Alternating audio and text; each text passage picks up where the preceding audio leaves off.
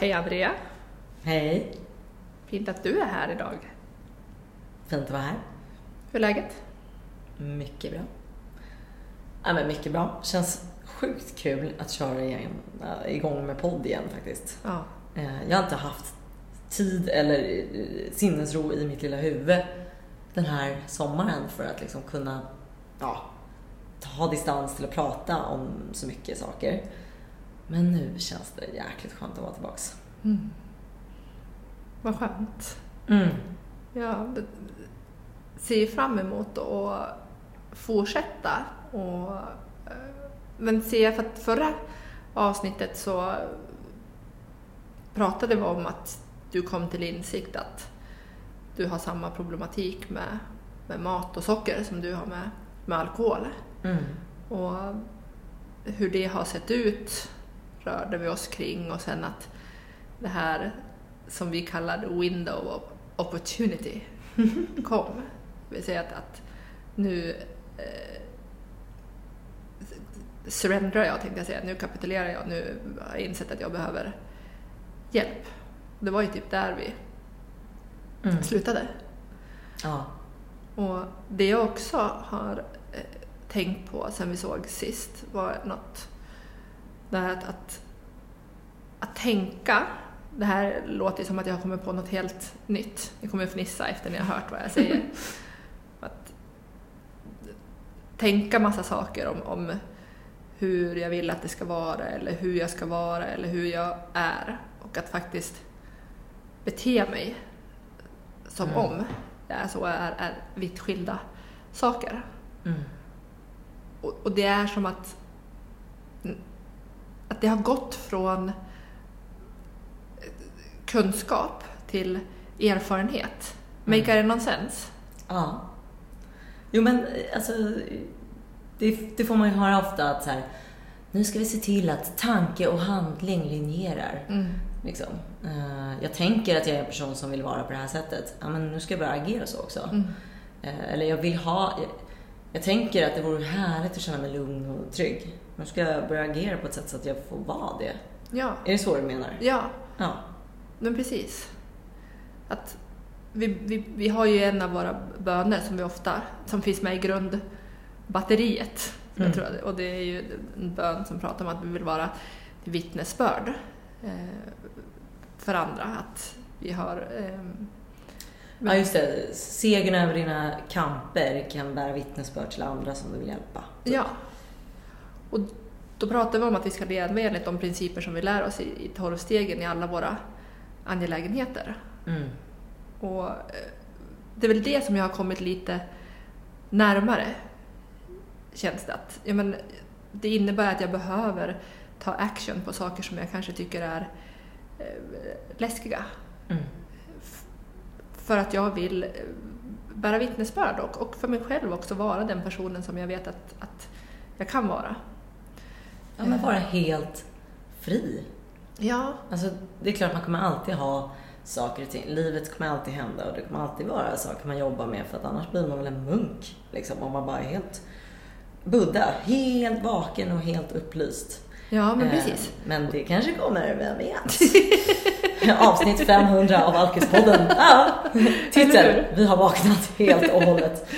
Ja. Men, nej, men det, det är ju bara skönt att veta att så här, man kan ta bort så här gardiner som bara hänger för ögonen så man inte liksom ser hur funkar jag? Liksom. Hur skulle jag kunna leva på ett sätt som var mycket bättre för mig?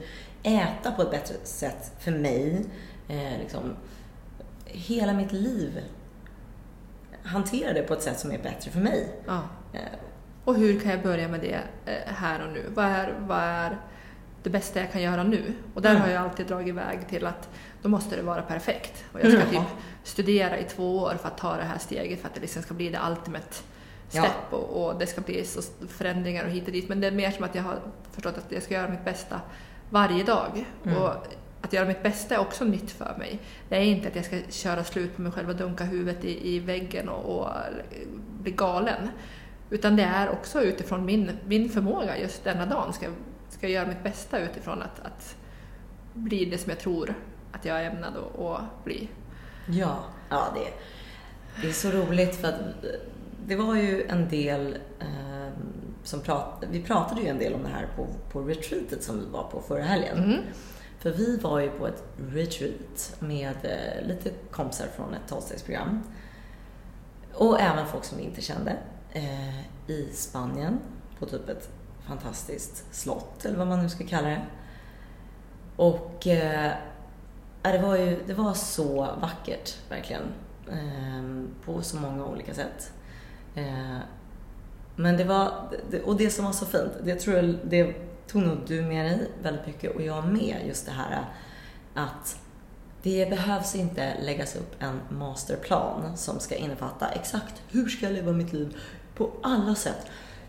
Ett dagsschema liksom från, från 06 på morgonen till eh, 12 på natten där varje kvart ska liksom läggas in hur jag ska leva mitt liv för att då blir allt perfekt. Utan det handlar om att göra val i varje ögonblick som är lite mer medvetna Mm. än omedvetna. Typ. Mm. Vad enkelt och bra du fick till det där. Tack. Jag vet, jag- Jag kom inte på det själv, jag bara citerar det jag liksom fick till mig av andra på retreatet. Men, Ja. men det var ju det. Det var Ja. så enkelt. Det, det, och jag har stretat med det här med att försöka lägga upp en plan för livet i så, alltså så länge jag kan minnas liksom har jag skrivit dagbok och då har jag bara Ja ah, men om jag bara får till på det här och det var ju mycket Om jag bara slutar äta socker och så ska jag dricka som en normal människa och så ska jag träna så och så många dagar i veckan Mm. och så ska jag gå och lägga mig exakt den här tiden och ska jag gå upp den här tiden och sen ska jag göra ditten och datten. Ja. Och allt ska gärna hända exakt på samma gång. Mm. För att göra lagom, det gillar jag inte. Nej. Det ska hända allting samtidigt. Alla förändringar samtidigt. Alltså det blir övermäktigt. Ja, och sen kommer livet emellan. Och sen Ja. helt plötsligt kunde du inte gå och lägga den tiden som var inbokad. Då kan man lika bra skita i allt. Exakt! Ja, men eller man blir förkyld eller en dag har man huvudvärk. Ja. Liksom. och då, är ju, då kan man lika gärna skita i allt. Exakt. Och eh, det har man ju förstått såklart senaste åren tack vare att man har börjat jobba med liksom, rutiner som man får till sig i 12-stegsprogrammet. och man har börjat förstå att så här, jag är en person som jag kan inte bara köra på utan att stanna upp. Jag måste ibland stanna upp. Jag måste fråga mig själv. Jag måste fråga min högre kraft. Jag måste till och med ringa till min sponsor och fråga Mhm. vad ska jag göra härnäst?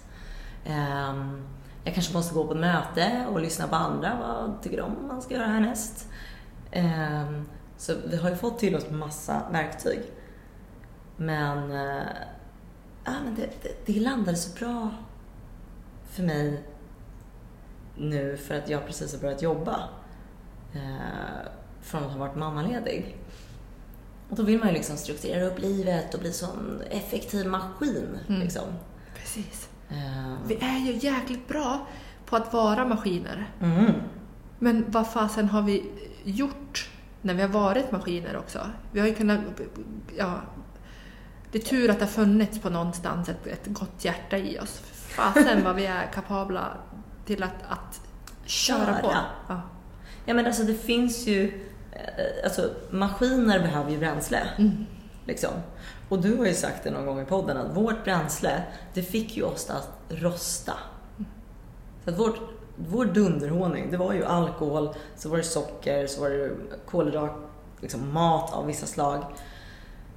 Eh, bara det att det medans man får det här raketbränslet, eller vad man ska kalla det, så gick man ju också sönder Mm. väldigt mycket fortare än om man hade bara tagit det lite lugnt. liksom. Precis. Sönder och livet blev mindre och mindre och mindre. Mm.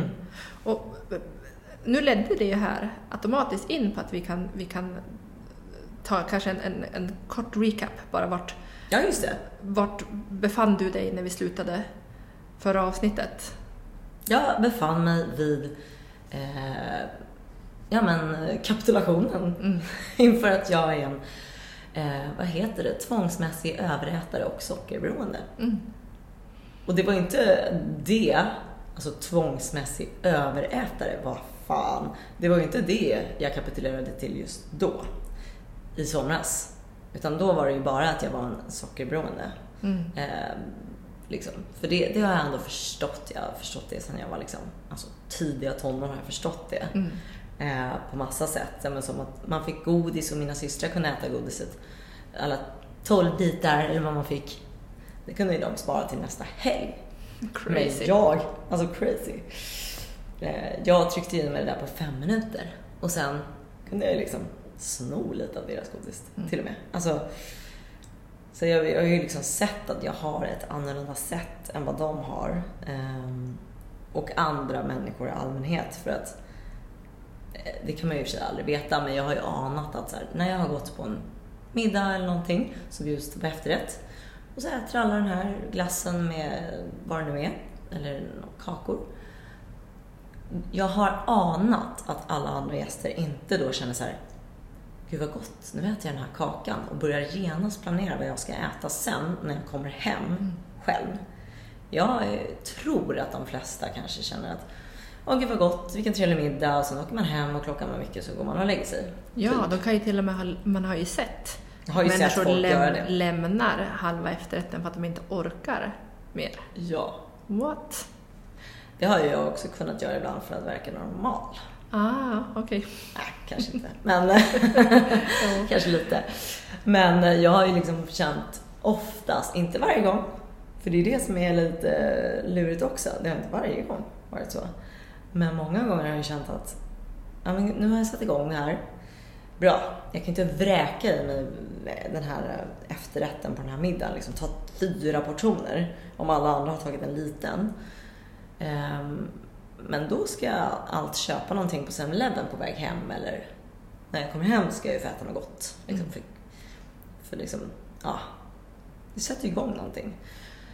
Så det pratade vi ju om att jag nådde min botten Mm. eh, i senaste avsnittet. Och ehm, efter det, ja vad hände då? Du sa i alla fall att det var många bra saker som hade hänt. Ja, jag ljög faktiskt inte. Nej. Nej, jag, jag, Sånt gör vi inte längre. Nej, det gör vi faktiskt inte. För då får man ont i magen. Och det är inte roligt. Magkänslan eller vad det nu är. Ehm, men, jo men det, det gick ju ganska fort då. Jag ringde till dig och du ringde till någon som jag ringde till dagen efter. Och det sattes igång någon slags fantastisk eh, kedjereaktion liksom. Eh, med kvinnor var det bara. Som hjälpte mig att hitta en sponsor. Så vips så hade jag fått en sponsor. Och dessutom pratat med säkert tre fantastiska personer som bara, "Ja, men gud vad fint, välkommen in i gemenskapen. Tog sig massa tid mitt på dagen, pratade med mig och även på eftermiddagen. Och jag bara grät i telefon med dem och pratade med de här främlingarna men kände att de vet vad jag snackar om och Mm. de vet vad man ska göra åt det här. Ehm, och så fick jag en sponsor och för er som inte har lyssnat tidigare så är en, en sponsor är en person som har gjort eh, den resa som, vi, som jag då ville börja göra för att bli fri från mitt sockerberoende. En sponsor har gjort de här 12 stegen och 12 steget är att man ger det man har fått, lösningen, vidare till en sponsor. Så jag började helt enkelt eh, jobba med den här sponsorn och eh, jag är inte klar än. Jag är på steg fyra Mm. Eh, och det, ja, men det, det, det, det är en mycket längre uppstartsfas, var det i alla fall för mig, i det här programmet än vad det var i det andra programmet för alkohol. Eh, för att här, när det gäller alkohol, då, då är det så tydligt så här. Innehåller produkten alkohol eller inte? Liksom, det står ju 1% eller 10% eller Innehåller det någon slags alkohol, då ska jag inte ta det.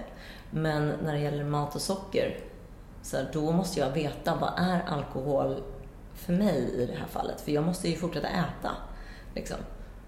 Eh, och det vet ju du också, att det är så här lite svår process. För sponsorn kommer inte säga till mig vad jag ska äta eller inte. Eh, så jag måste, tillsammans med sponsorns vägledning då, då eh, och vara ärlig med mig själv och min högre makt. Komma fram till, vad tål jag egentligen? Eh, och vissa gånger så kan jag i bakhuvudet känna, nej jag tål inte det där. Till exempel jordnötssmör. Mm. det vill jag ju tåla kan jag ju säga av hela mitt hjärta. Så först var det ju på min gröna lista. Jo men jordnötssmör, det kan jag äta. Men sen när jag liksom tänkte på det här och de har sagt att ja, men saker som jag överätit tidigare i livet och skulle kunna tänka mig att trycka i mig. Då bara, fan, jag har gjort det. Jag ju liksom, jag har ju ätit jordnötssmör som om det vore godis. Mm. Alltså direkt ur burken, bara, en hel burk, bara tjoff. Men det hade jag försökt liksom glömma bort. Mhm. Jag vill ju inte komma ihåg det minnet, för då kan jag ju fortsätta äta jordnötssmör. Problemet är när jag ljuger för mig själv och fortsätter äta något som jag egentligen är allergisk mot. Då blir inte min hjärna lugn. Nej. Och då funkar inte lösningen. För då är jag fortfarande uppstressad. Berätta om, berätta om det, för det var ju också det jag fick, fick eh, höra när jag skulle göra den här matplanen eller hur, hur Ja. jag ska kunna äta. Att det första steget är nu att, att lugna ner ditt system, din, Ja. din kropp, ditt, ditt sinne. Biologiskt. Mm. Alltså, jag har inte tagit med det i beräkningen så mycket att jag har liksom en hjärna också som också kan bli uppstressad. Eh, och sen har jag en mage som har en viss uppsättning av liksom, tarmbakterier och till exempel en sorts candida, den frodas ju av socker och då blir den stark. Och det sjukt äckliga med det är att den ger mig ett slags sockersug. Mm. Hur läskigt är det? Mm. Så att man måste ju liksom svälta ut eh, sjukdomen och suget på så många plan. Mm. Men det, så är det inte för alla. Vissa har ju inte alls eh, den aspekten liksom. Eh, med just candida, alltså i magen liksom. Eller så. Och, och vissa kanske inte ens fattar överhuvudtaget vad vi pratar om, att man behöver lugna kropp Systemet. och, och system och, och hit och dit. Men det, det som händer för oss när vi äter eh, triggermat, ska vi hitta på att Mm. vi säger att kallar det triggermat då. Mm. Eh, det är ju att vi går igång. Ja. Vi får ju en, en, en, en reaktion Mm. som gör att vi, vi vill ha mer av det. Och, och det är inte en direkt eh, reaktion som säger Gud vad sugen jag är på mer. Nej. Utan det kan bli att jag blir rastlös, Mm. lättirriterad och missnöjd. Alltså jag kan bli så här, nu har jag ätit det här jättegoda. Mm. Nu är jag lite, lite. Ja. jag, jag blir inte så här, gud vad mysig och gosig och sådär jag blev nu. Eh, kanske precis efter, men sen blir jag ju ah, rastlös. ja. Liksom. Det är ju precis det här är ingredienserna i, i den här eh, problematiken. Mm. Att det kan också visa sig genom eh, ja, helt vansinniga grejer.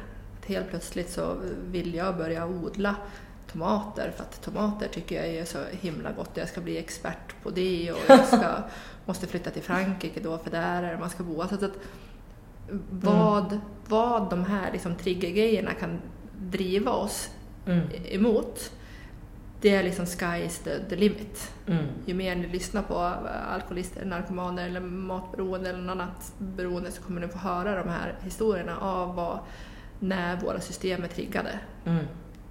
Till vilka nivåer vi kan gå för att dämpa precis de känslor som du sa. Mm. Lättirriterad, Rastlös. rastlös, missnöjd. Ja. För vi kan inte stå ut i dem. Vi kan vårt inte... eget skinn. Nej. Vi måste bort därifrån och då börjar vi hitta på grejer. Mm. Eller tror att vi till slut då måste bara äta de här grejerna för att ta oss bort därifrån. Exakt.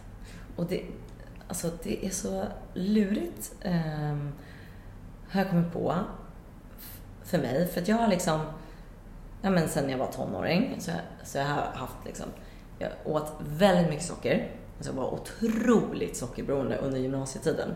Jag kunde alltså skolka från skolan för att jag kände, jag kan inte gå till skolan. Jag måste äta godis. Och det var faktiskt en fruktansvärd period Mm. i livet. Och det kan man ju fnissa åt. Alltså, jag kunde ju vara såhär, gud jag är en sån godisgris. Liksom. Men, men det var ju, jag var ju en godisgris framför andra. Men det var när jag skolkade en tisdag för att jag, jag måste jag åt så mycket godis igår så jag måste fortsätta göra det för att jag kan inte stå ut med de här känslorna som du just beskrev. den här, den här ah, otroliga stressen i kroppen. Liksom. Och hur stillar jag det? Jo, genom att äta mer socker. Och då har inte jag tid att gå till skolan. Liksom.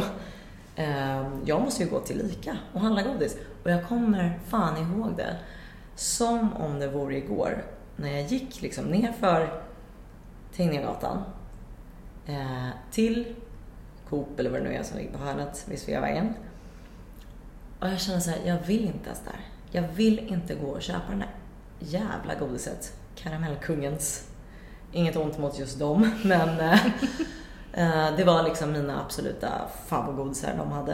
Eh, och jag bara kände, jag vill inte att någon ska se mig nu, för jag, jag är ju sjuk inom situationstecken. Ja, det var jag ju också. Jag var ju sjuk. Liksom. Men jag hade ju sagt att jag var förkyld eller någonting. Gick, köpte det där godiset. Känner ju som liksom, innan man skulle få ta första glaset. Alltså, ett jävla sug. Och sen kommer man hem. Tänker att ja, men det är bra, jag kan ju äta det här godiset. Som jag redan har börjat äta på vägen hem. Eh, så det har redan börjat bli lite äckligt.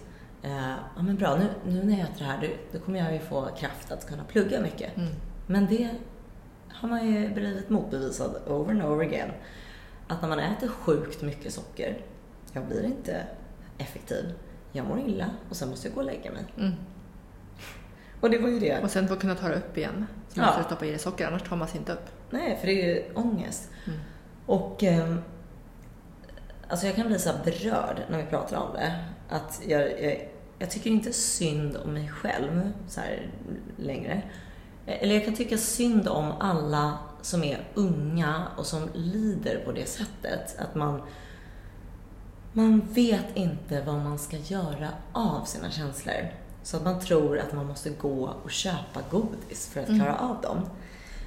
Och ehm, nu har jag ju liksom barn så jag kan bli liksom extra berörd över att så här, "Ah, jag hoppas att de inte behöver känna den där känslan av totalt besviken på sig själv. För så här ska man ju inte hantera livet.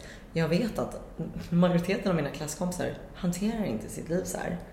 Varför gör jag det? Och sen, jag kan inte stå för det här. Jag, jag ljuger ju om vad jag gör. Ehm, jag känner mig inte... Jag har ingen självdisciplin, tror jag. För jag tror att det handlar om självdisciplin. Mm. Eller jag har ingen karaktär. Liksom.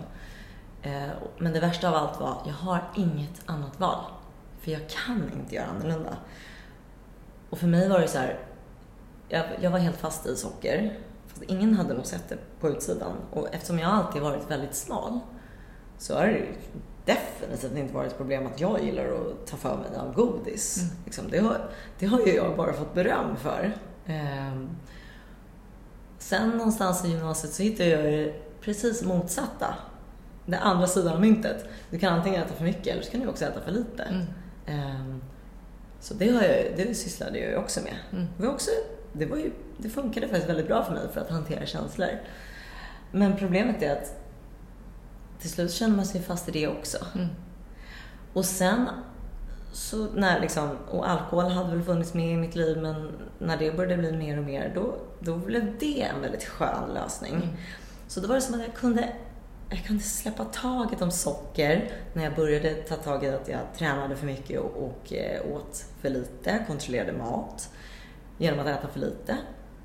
Ehm, Sen kom alkoholen in i bilden och då sket jag ganska mycket i om jag tränade. Jag sket i om jag åt mycket eller lite. Alltså jag, det kunde man verkligen se på bilder från gymnasiet. Mm. En period är jag jättespinkig och sen sista delen av gymnasiet då är jag liksom lite uppsvullen i Mm. ansiktet. Alltså, ja. Det var, det var så här, olika sorters eh, lösningar Ja. liksom, som gått upp och ner i mitt liv. På samma grej, att försöka hantera Mm. känslor. Har du haft, liksom, att du har känt att det, det här med mat och socker, har det liksom varit det rakt igenom eller har det varit att det gått upp och ner tillsammans med alkoholen eller har det, hur har det varit för dig? Mm. Eller något annat jobb eller?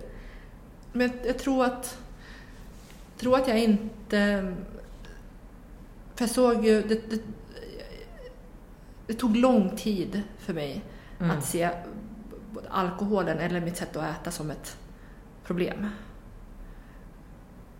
Utan att jag, att jag, jag såg liksom mitt ätande och mitt drickande som nästan som superpowers. Som att, att jag kunde, jag kunde liksom lösa allt. Jag var inte överhuvudtaget medveten om att jag använde det för att kunna springa så jäkla fort jag kunde bort från mina känslor.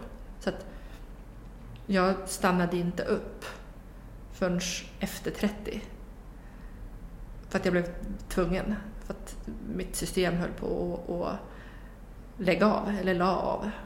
Vadå, hur, vad hände då? Nej, men både att jag fick, fick någon, någon Typ att mina inre organ inte funkade som de skulle. Kunde mm. liksom typ inte forsla bort slaggprodukter hittar jag på att det heter nu men kunde inte forsla bort gift ur Nej. kroppen så jag blev jätte, jätte sjuk och fick liksom utslag över hela kroppen i flera år från ögonen in i munnen, under fötterna, ute på huden och sen så utmattningsdepression eh, efter det. Så där liksom, jag blev tvungen att stanna upp. Mm. Och då, då eh, stod jag ju där med allt obearbetat och helt oförmögen att hantera något. Och då började ju storhinkandet av mm. alkohol. Och i det så fanns ju också eh, något form av ritualätande kanske, att det var liksom på, på, på kvällarna, då skulle det liksom belönas ordentligt. Så jag kunde liksom hålla mig bra under dagen, bara jag visste att jag skulle få belöningen på kvällen. Så då både drack och, och åt jag. Och sen precis som du var inne på, så blev konsekvenserna av alkoholen större och medvetenheten om att dricka varje dag och mycket varje dag är liksom inte accepterat av samhället så det skavde ju länge. Så mm. Därför blev väl det den botten som jag nådde först. Men sen så fort jag plockade bort alkoholen så såg jag, men eh, tyckte också att det var så jäkla bra att jag hade slutat med alkoholen. Och viktigaste först, absolut. Men jag gick ju upp över eh, mellan 20-30 kilo. Från när jag blev nykter fram tills eh, när jag drog i, eh, eller jag drog inte i handbromsen. Jag skrek högt att jag behövde hjälp i våras. För att jag hade, ja, jag hade varit helt maktlös över att, och då var jag ju ändå nykter. Ja. Men jag, och jag gjort, hade gjort stegen och fått otroligt mycket bättre liv. Men det var fortfarande saker som jag inte lyfte fram i, i ljuset. För att jag gömde bort dem med mat. Mm. Uh, ja. ja. Exakt, det är viktigt att du, eller det är inte viktigt, men det är ju härligt att du sa det att så här, du hade fått ett helt Alltså du hade fått ett mycket bättre liv. Ett helt annorlunda liv. På så jäkla många plan. När du tog bort alkoholen. Mm. Um, och säger också, jag säger tog bort alkoholen. Jag tog inte bort alkoholen. Jag fick, fick eh, hjälp från tolvstegen och ja, mm. gud, att bli befriad ja, det var inte bara, nu tar vi bort alkohol, sluta nu med jag, det liksom. Jag säger ofta sådär, men jag har, ja. jag har inte plockat bort något. Men jag har blivit befriad från det tack vare att jag har gjort ja, arbete. Och så har du tillfört något annat. Massa nya levnadssätt och tolvsteg och en gemenskap ja. och massa. Bra, bara en liten inflikning. Ja, och att du sponsrar andra och så här. Ja. Um, oh, ja, men för det är det, det, liksom, det livet som du fick när du plockade bort alkoholen slutade med alkohol eh, och började göra stegen och började se vem är jag? Mm. Liksom, vad, hur funkar jag? Vad är det jag flyr från? Vad är mina rädslor? Vad, eh, vad gör mig glad? Alltså, mm. vad vill jag med livet? Mm. Liksom, det, det är så himla mycket större än att bara sluta med alkohol. Mm. Ja. Många säger att man, man kommer in i tolvstegsprogrammet, man kan ju vara 50, 60, 70, men man är som en tonåring. Så man växer upp i programmet. Mm. och eh, en sponsor och ens medmänniskor på möten och så här, det, är, det är som att man blir uppfostrad. Ja. Man hör den hårda sanningen som om det är föräldrar som säger vad man... Men hörru, nu betedde du dig inte bra. Liksom. Eh, man kanske inte har fått det eller så har man inte kunnat lyssna på det tidigare. Nej. Men nu plötsligt gör man det. För man vet också att de här människorna vet vad de snackar om. Ja, man är beredd att göra jobbet. Och de är inte beredda att kamma medhårs. Nej. Och det är också så jäkla skönt. Liksom, man får ju oftast inte höra det man vill höra. Man får höra det man behöver höra. Mm. Eh, och det är ju därför man uppskattar det så himla mycket. Så, som vi pratade om att vi var på det här retreatet och en av våra vänner i programmet såg igenom både dig och mig. Liksom. Eh, men bara för att ofta, ibland kan det vara så här, it takes one to know one. Mm. Eh, men också när man är i det här sammanhanget på något sätt så är det som att fasaderna funkar inte längre. Och de bara trillar av. Eh, jag kan känna att så här, vill jag bara veta vem jag är, då går jag på ett möte och så känner jag så här, axlarna bara åker ner. Jag kommer ihåg, ah, det här är jag. Liksom. Förut har jag bara känt vem jag är, eller trott vem jag är, om jag är ensam hemma, du vet. Mm. Äls, alltid älskat att vara ensam. ensam. Det måste vara en längre stund också. En längre Ja. stund ensam. Maximera njutningen Ja. liksom. Ska vara själv. Och då, ska, då, då känner jag mig som mig själv. Men det är ju isolering när man gör det för mycket. Eh, och jag vill inte vara en person som bara kan känna mig som mig själv när jag är ensam. Och det coola är att jag kan känna mig helt som mig själv när jag kommer på ett möte. Eh, ett tolvstegsmöte. Men bara om jag är liksom lugn och harmonisk. Annars så kan jag ju komma in i att jag ska prestera eller liksom Mm. Vara glid- duktig, glider iväg, duktig. Ja. Men eh, jag kände mig verkligen som mig själv på det här retreatet som vi Ja. var. Och då kan ju folk se igenom en. Eller inte se igenom då, utan se en. Ja, se att det fortfarande är en liten fasad som man håller uppe rädslor. Ja, Ja. precis. ja. Men, så tillbaka då till att, att du, du bad om hjälp och sen så sa vi att det hade hänt positiva saker. Vill du berätta några av de här positiva sakerna som redan har hunnit hänt efter du har, har börjat jobba i stegen igen? Ja. Alltså, ja, det finns många. Men eh, för att fatta mig kort så jag har ju i alla år när jag har liksom funderat på eh, hur vill jag ha det så har jag kommit fram till, mycket smart, att socker är nog inte så bra för mig. Och nu, äntligen, så har jag lyckats ta bort socker ur mitt liv. Och jag känner inte mig eh, ett dugg fattig, eller vad man ska säga. Berövad. Jag känner mig inte berövad. Det känns faktiskt helt okej. Men hur, Och känner, hur bättre känns än det då? då? Alltså, jag känner mig lugn. Ja, lugn. Min hjärna är inte stressad längre. Och som jag var inne på i förra avsnittet så alltså det går så jäkla mycket tankeverksamhet och kraft och energi åt att dividera. Ska jag äta det här eller det där eller hit och dit? Och ska jag äta det här nu eller sen? Eller hur mycket eller lite? Alltså det är slut, det är slut på det. Mm. Det är slut på slöseri av energi på fel Mm. saker. Ehm, och ja, men jag har en tydlig plan. Jag äter saker som jag mår bra av. Och det sjukaste är att det råkar ju vara väldigt bra mat. Ja. Det råkar ju vara eh, inte processad mat. Inte mat som eh, är dålig för hälsan. Det är helt enkelt jättebra mat. Som är bra för magen, som är bra för kroppen, som är bra för huvudet så att man håller sig lugn. Det är jättebra för blodsockret. Ehm, och det är det som också är grejen att jag behövde få hjälp från folk som vet hur det här funkar. Mm. Eh, hur håller man blodsockret på en bra nivå? För om jag aldrig får några blodsockerdippar, om jag aldrig får en dipp, då behöver jag aldrig hjälp att ta mig upp från den dippen. Jag är bara, det är harmoniskt rakt igenom. Eh, Wow. Och nu drar jag ett sånt här streck i luften med handen, du vet. Det är, Ja. det är jämn nivå. Och det kan man ju tycka, fy fan vad tråkigt. Liksom. Ska det bara vara lagom hela tiden? Ja. Ja, men jag kan säga att i somras när jag liksom hade nått min botten och sen, ja, jag hade tagit beslut, jag ska ta bort allt som jag blev triggad av och började utforska det. Och så tog jag bort allt det här. Men hade fortfarande inte börjat komma in i stegen. Jag hade inte riktigt, jag hade inte riktigt börjat känna, ah fan, lösningen funkar. Alltså jag kände mig helt galen. Och det enda jag ville ha då var sinnesro. Alltså, jag kände så här, jag, ät, jag kan äta sand varenda dag resten av mitt liv nu. Om jag bara får tillbaka den sinnesron som jag har känt tidigare, senaste åren. Mm.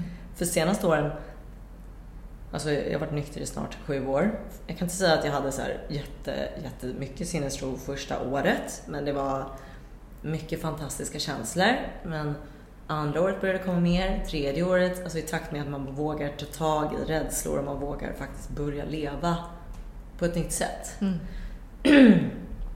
Så sista året, um, nej men sista, sista två åren har jag känt så här, sinnesro liksom. Uh, och det kan ju låta liksom, ja, men motsägelsefullt att jag samtidigt har nått min botten. Men jag skulle inte säga att det var det har inte varit värre i mitt socker och matberoende senaste året, eller senaste två åren, eller tre eller fyra, än vad det var förr i mitt liv. Det, det är nog bara det att jag har blivit mer mottaglig för att våga se att Mm. ja, men det här är inte normalt. Jag har till och med ätit mindre av mina triggersaker senaste åren. Men jag har ändå känt så här, ja, men det här, jag vill inte ha, jag vill inte vara kidnappad av någonting i mitt liv. Liksom. Och sen tror jag att det, det gick upp lite i takt efter att vi fick barn förra året. Man har sämre sömn. Liksom. Det är skönt med någonting som kan pigga upp rätt fort. Och sömn gör att man får huvudvärk och huvudvärk har alltid varit en grej för mig att jag, jag vill inte ha huvudvärk. Så då vill jag äta något socker för då direkt går min huvudvärk över. Mm. Så funkar jag liksom. Ehm, ja, så att, så det blev ju liksom värre då. Ehm, men ja, men det, det, det, börjar, det börjar kännas som att så här, eller börjar inte känna, min hjärna har gått från att vara crazy i somras till att det känns lugnt, Ja. harmoniskt. Eh, och sen så en annan del som jag har fått är att jag har börjat våga verkligen ringa ut. Ja. För det är en stor del i det här programmet, det nya programmet som vi går. Att man ska ringa ut och Mm. berätta för någon annan. Liksom, bara kort, hur, mår jag, status, woo. Mm. Gärna någon man inte känner så bra så att man inte bara är i sin comfort zone hela Mm. tiden. Eh, och det har varit så stort för mig faktiskt. För det har fått mig att våga expandera utanför min comfort zone i andra delar av livet också. Ja. Jag tänker dels den, den delen att den har ju både du och jag pratat om det här med att lyfta luren och, och ringa, alltså de jobben som vi, som vi har. Att det har liksom blivit en, en fantastisk sidovinst. Och det jag också har tänkt, för att du har ju precis som jag valt liksom så här, ja men jag ska leva livet så som jag vill eh, leva livet. Vilket har inneburit att vi har umgåtts med människor och vi har åkt på resor fastän vi nu äter på ett sätt som inte alltid bara är att, att gå iväg på en, en middag och jag kan äta allting eller gå på en, en restaurang och äta allting utan vi behöver ha lite koll. Och, och det har gjort att vi eh, vågar vara lite besvärliga. Mm. ja, inte den där okomplicerade som du ville vara när du skulle kunna äta pasta. Nej. Utan att Anna, vill du komma och käka middag? Ja, det vill jag jättegärna. Men nu eh, är det så här att jag har, nu blir det lite olika formuleringar ju, ju väl jag känner. jag. men, som jag brukade säga med alkoholen i början också, jag har druckit min kvot av eh, alkohol så att det blir inget mer för mig. Så jag har också kunnat sagt det lite med glimten i ögat så här. Det finns vissa saker som jag har, har eh, ätit tillräckligt av i mitt liv så jag kommer inte att kunna äta dem det är Jag bra. kan, ja, jag kan ta med mig, jag kan ta med mig mat eller så eh, kan vi äta ute eller så ja, eh, gör vi någonting annat ifall jag tycker att det känns krångligt. Men de som jag har vågat sagt det till har bara sagt, men vad är det du kan äta då? Ja men jag kan äta det här, ja men då fixar vi väl något av det. Mm. Och det steget, det kanske låter jättelite för många, men det steget för mig att, att våga stå upp för det och, och och säga det. Dels säga så här, ja men jag vill, jag vill vara med er. Annars har det kunnat vara lätt för mig att säga så här, nej men jag, jag, jag, jag kan inte eller jag säga nej till eh, middagar.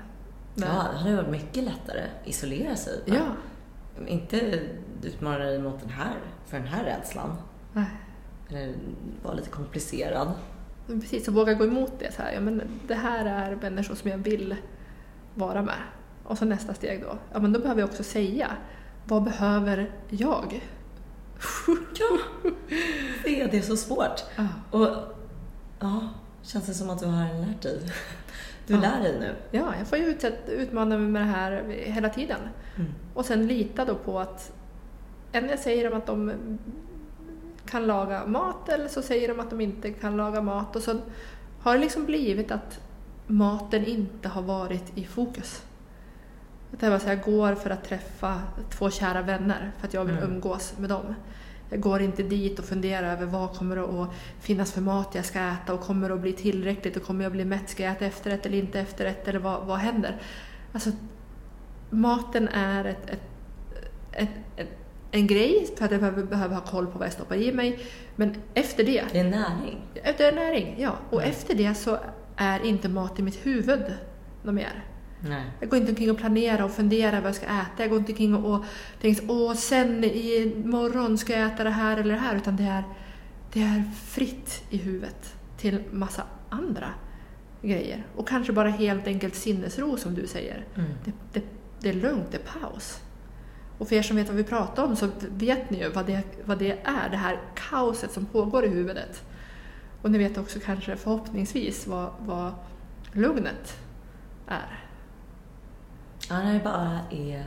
Vad, är- alltså, vad är det ens? Det är inte tyst liksom. Det är bara harmoni. Det är liksom...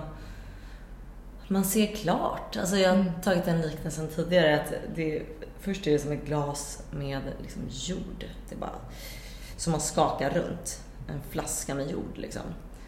Ja, då ser man ju inte. Det är grumligt. Och sen när man bara stillar det en liten stund så kan all jord trilla ner till botten och då blir vattnet klart. Och då Mm. kan man se, då kan man se saker tydligt.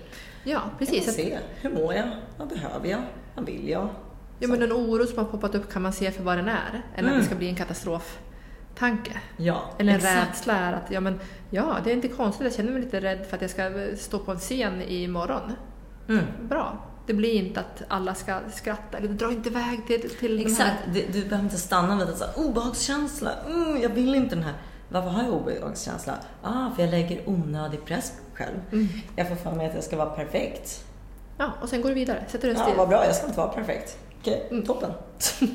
liksom. Men svarade jag på din fråga? Ja, jag har fått massa fördelar av det här nya sättet eh, att leva. Men jag är inte klar. Jag utforskar fortfarande. Ja. Jag är på steg fyra. Och eh, man ska tydligen inte stanna i steg fyra för länge hörde jag i någon podcast. För det är som att sitta i en poopy diaper.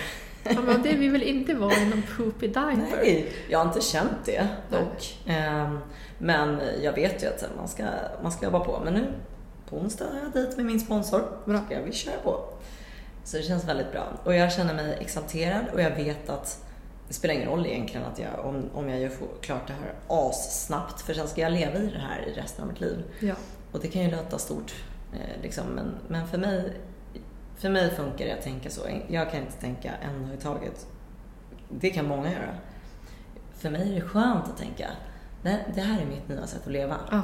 För då stänger jag också dörren till mitt slags dividerande. Ska, jag- ska jag hålla på med det här en månad?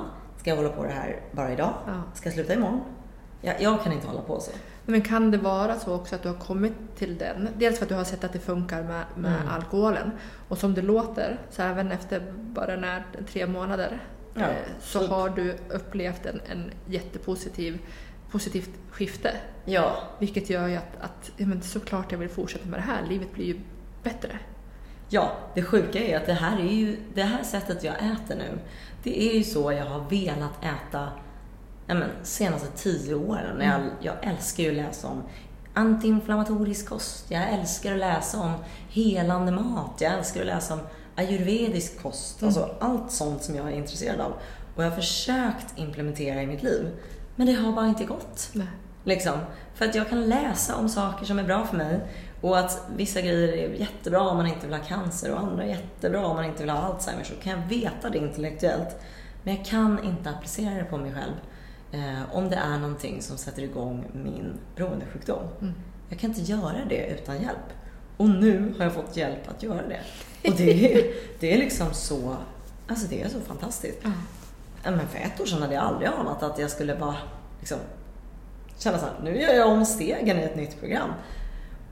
Och det är så jävla skönt faktiskt. För att det är ju som man hör på möten att så här, ja, men livet blir bara bättre för varje år man är nykter och livet blir bara bättre varje år. Du kan inte ens ana vad som kommer hända och det kan jag fan skriva under att jag kunde inte ana vad som, att det här var det som skulle hända nu. Och eh, tyckte ju synd om mig själv där i början av sommaren. Jag har varit så duktig nu och varit nykter och varför ska jag behöva göra det här? Mm. Och nu känner jag att jag vill göra det här. Mm. Faktiskt. Mm, vad fint. Eh, och jag är tacksam för att jag redan har gjort stegen tidigare och jag har sett att den här lösningen funkar. Ja. Så att jag, jag, jag stretade faktiskt inte emot särskilt mycket för jag visste att ja, så ju mer jag bara stretar emot desto jobbigare blir det. Mm. Eh, what you resist, persist. Liksom. Mhm. Ehm, men, nej. Jag är tacksam att du gick före och, och visade att det funkar. Tänk den också.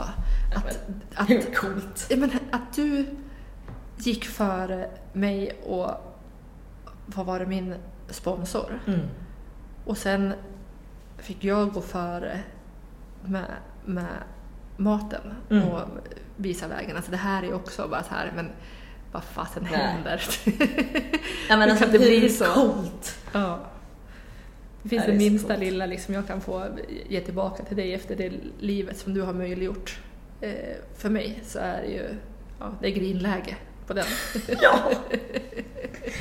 ja men, och du har ju gett mig varje dag som jag har fått prata med dig. Liksom. Så att det är ju inte som att det bara har varit så här, du har fått massa av mig och nu är det dags för mig att få av dig. Utan det är det som är det häftiga också. Att så här, ja, en sponsor behöver en sponsor minst lika mycket för annars gör inte jag tolvsteget. Nej. Liksom.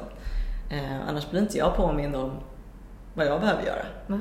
Det är det som är så roligt. Ja, det är så jäkla finurligt, sabla bra. Nej men det är så jävla coolt. Alltså en sista grej innan vi kanske måste avsluta, men vi var inne på det i början tror jag, att vi fick den här äh, på retreatet som vi var på så var det någon som sa att man behöver inte lägga upp en masterplan för hur hela livet ska bli perfekt och att det handlar om vad du gör för val i varje enskilt ögonblick.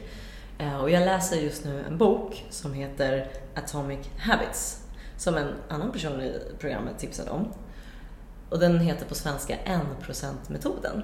Och det är så roligt för att den handlar om exakt det här. Att du bygger inte liksom, de vanorna du vill ha i framtiden, de bygger du inte genom att skriva ner dem på ett papper och sen tro att det ska hända dagen efter. Utan att du liksom bygger dem med hjälp av att du är, gör 1% varje dag. Alltså om du bara bestämmer dig för att göra en liten grej idag eh, så kan du skita i resten. Liksom. Men det som händer när man gör en liten förbättring är att det blir en ränta på ränta-effekt kan man säga med bra vanor. Har jag gjort en liten positiv förändring idag, då är det liksom större chans att jag vill göra en annan bra eh, handling också idag. Mm. För jag, fan vad bra jag är. Nu vill jag göra det här också. Det kan bara vara att bädda sängen eller att jag liksom, jag ser att det ligger en liten pappersskräp på marken. Så istället för att tänka, jag tar den sen, så tar jag upp den nu. Mm. Och då är det såhär, fan, I'm on fire. Små, Handling, små precis. saker i varje ja. ögonblick. Som att sitta och Inte- vänta på att, att motivationen ska ramla från, från eh, himlen. Mm. Det är faktiskt rörelsen, handlingen som skapar motivationen, precis det du, det du säger. Skapa bra energi. Ja. Och, och samma sak, på samma sätt så, han, så skapar en dålig handling, eller dålig, men en handling som inte leder mig åt det målet som jag egentligen har. Att jag ser att det ligger så här massa skit, eh, alltså smutstvätt på marken och så tänker jag så här, "Ugh, shit vad, uh, men jag orkar inte ta det nu. Ja, då har jag medvetet valt att liksom, nej, jag vill inte ha det städat. Jag vill ha det stökigt. Mm. Och då kommer jag kanske välja att det ska fan vara stökigt i köket också. Alltså, och då, då blir det en negativ spiral. Mm. Och jag, tyckte det, jag tyckte det var väldigt skönt att tänka att här, det är små, små handlingar som gör en stor helhet i slutändan. Inte imorgon. Eh, Och jag ska inte vara perfekt imorgon eller i framtiden. Men jag ska bara känna att mm, positiv skön känsla. Ja. Liksom. Precis. Det går igång när du säger nu, det är ju precis som, som, som det är när vi jobbar i, i stegen också, utvecklingen som vi gör. Det är att jag har alltid trott att man måste göra hu- hundra saker tills man får känna på vinsten också. Men det Mm. som du precis beskriver och det som vi upplever i stegarbetet också, det är ju att du, du får ju en, en, en positiv energi, som du säger, en, en, en känsla. Det, det börjar ju hända någonting nästan omedelbart. Ja. Så därför är det så att sluta tänka så mycket och börja handla. Ja. ja, jag kan rekommendera om man läser den här boken. Förutom att de säger att det handlar om små vanor hela tiden så pratar de ju om att man ska umgås med andra människor som har applicerat vanorna. Det är det vi gör när vi Ja. går på möten. Eh, Man ska inte säga, till exempel om du vill sluta röka, eh, så kan du antingen säga om någon kommer och bjuder dig på en cigarett. Ah, nej, jag försöker sluta röka. Istället kan du säga, nej jag röker inte. Mm. Alltså, du är redan en person som inte gör det här. Men om du säger jag försöker sluta, fast du har lika lite tagit en cigarett, så är du fortfarande kvar i en identitet som är en person som vill röka. Ja, ja. Alltså, ehm, ja, men jag tycker det är intressant för man, man eh, säger ju på mötet att, eh, eller många säger att man, jag är en tillfrisknad alkoholist. Ja. Eller, ehm, att nu är man nykter. Ja. Liksom. Ja, alltså, jag vet inte om jag vill komma med det, men jag tycker det är väldigt intressant att här, man, kan, man kan programmera om sin egen känsla kring sig själv bara genom vilka ordval man gör. ja. Beslutet som har Mm. fattats genom att uttrycka det på det sättet. Ja, och också så här, ehm, när det gäller maten nu. Jag kan ibland tycka att det är lite jobbigt när folk frågar så här. Okej, men vad är det du inte får äta? Mm. Och då känner jag så här, jag känner inte så. Jag får, äta, jag får äta precis vad jag vill. Men vad är det jag slipper äta? Jag slipper äta det här och det här och det här och det här som jag mår dåligt av. För jag har fått hjälp att slippa äta det nu. Mm. Ja, Mm. så, så känner jag faktiskt på riktigt. Det är inte att jag försöker sälja in att folk ska göra det här programmet utan Nej, jag det har alla bara... sitt eget val vad, Ja. vad tusan man vill göra för någonting. Ja, men jag, jag tycker det är så jäkla coolt att ehm, jag slipper. Och att man faktiskt kan ändra, ändra inställningen bara genom ordval. Ja. Coolt. ja, coolt. Tack hörni för idag. Tack för idag! Vi, vi hörs alldeles snart igen. Och vill Ja, ni få tag på oss så kommer vi att skriva det i texten här. Hur ni kan mejla oss eller DMa på Insta eller skicka på Facebook. Eh, Yes. Tack så jättemycket för att ni är med oss. Ja. Ha det bra!